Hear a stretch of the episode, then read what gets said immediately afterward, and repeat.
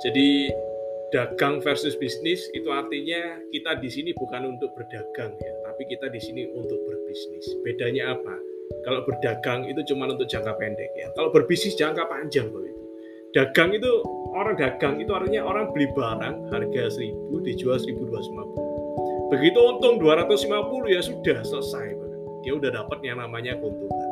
Tapi kalau orang berbisnis dia sudah untung 250 ya, dia akan kembangin Bapak Ibu. Oh, customernya akan dibaiki ya kan, akan diberikan bonus ini atau misalnya dikasih diskon, dikasih voucher supaya nanti dia akan repeat order lagi berikutnya minggu depannya beli lagi ya. Keuntungannya nggak cuma sekali tapi dua kali, tapi sepuluh kali, tapi seratus kali, tapi seribu kali.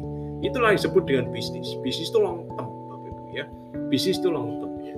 Nah, seperti Bapak Ibu sekarang ya, mungkin nanti kita ada ya ada orang-orang yang akan sharingkan experience-nya, ada teman-teman yang akan men-sharingkan gimana apa saja sudah dapat. Mungkin Bapak Ibu akan berpikir ya, apakah saya bisa ya? Apakah saya bisa? Apalagi situasi sekarang kita baru mulai ya restoratif ya, mulai pulih dari yang namanya pandemi ini. Apakah bisa ya? Saya katakan bisa, ya. Saya katakan lagi bisa, ya.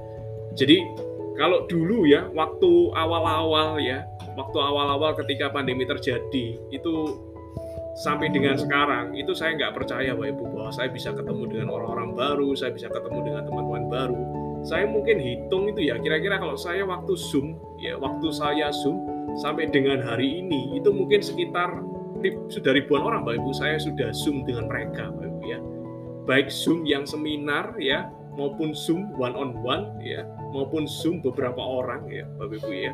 Saya bisa kenal begitu banyak orang. Itulah yang disebut dengan teknologi. Jadi bisa. Kalau kita bisa kenal banyak orang, otomatis kita bisa berbisnis dengan lebih banyak orang.